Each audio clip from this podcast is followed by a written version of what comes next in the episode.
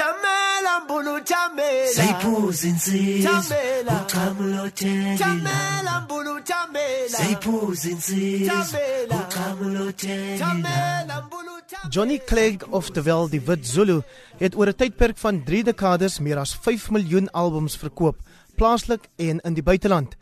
Nadat kanker in 2015 by hom gediagnoseer is en hoewel hy tans in remissie is, het hy besluit om vanjaar sy laaste wêreldtoer aan te pak.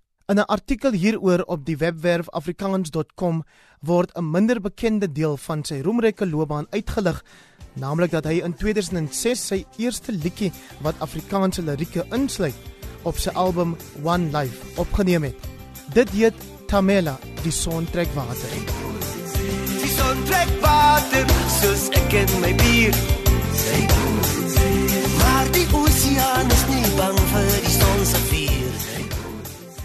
Andries Besuidenhout is 'n sosioloog, visuele kunstenaar, digter en musikant. Ek dink wat die Afrikaanse musiekmark is die grootste mark wat daar is. So in die eerste plek is enige kunstenaar met 'n goeie besigheidskop sal verstaan dat die Afrikaanse musiekmark 'n belangrike een is, maar ek dink nie mense kan Johnny Clegg op so siniese wyse beskryf nie. Hy's iemand wat nog altyd brûe bou tussen tale en tussen mense in Suid-Afrika. Ek dink is eintlik wonderlik dat een van Suid-Afrika se grootste en belangrikste musikante en sangers wat primêr Engels en in Zulu sing dan ook iets in Afrikaans gedoen het.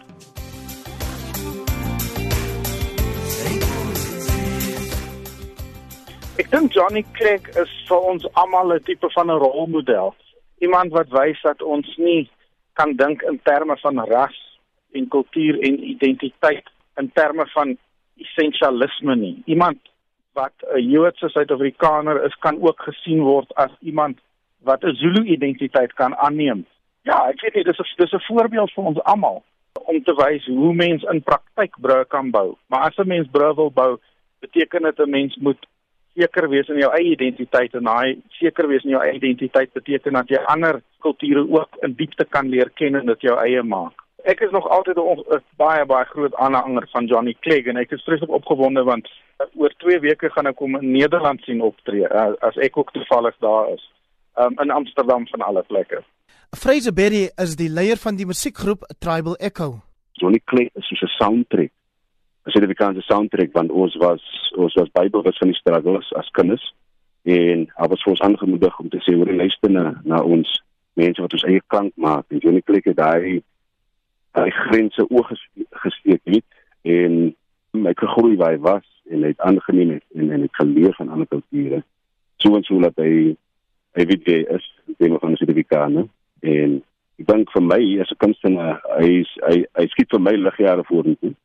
As ek dink aan sy plek inspirasie dat eh uh, die ou het ek gebly aan aan sy wortels jy weet.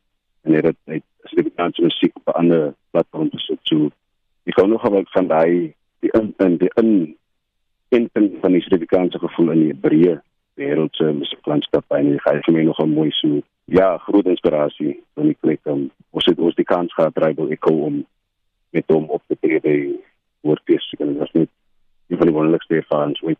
Anton Goosen is bekend as Afrikaanse liedjieboer. Johnny Clegg is vir my een van die grootste musikale ikone en invloede in ons land. En met die werk wat hy gedoen het van in die 80s met Jaluka en later met Javuka en sy en sy eie werk.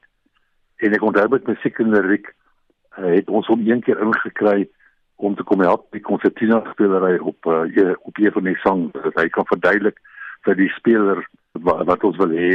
Een van die mooiste stories van Johnny. Ek kyk Johnny, ek het hom 'n paar keer ontmoet en what you see is what you get. Uh, Hy is 'n wonderlike iemand. Maar die een van die mooiste stories vir my is in Parys gewees toe hy 'n show daar gedoen het en Michael Jackson was ook in die dorp. En die belangstelling vir Michael Jackson was so swak geweest dat hulle moes die die show afskakel, afstel. Dan Johnny was daar en dit is seker, ek bedoel dit sê dit alles. Okay, en sê asseblief vir Johnny ek sê alwe, en hy moet sy wêreldtoer baie baie geniet. Charles Lennard is 'n musiekjoernalis en aanbieder op RSG van die musiekprogram Mondstuk waar musiek en politiek ontmoet.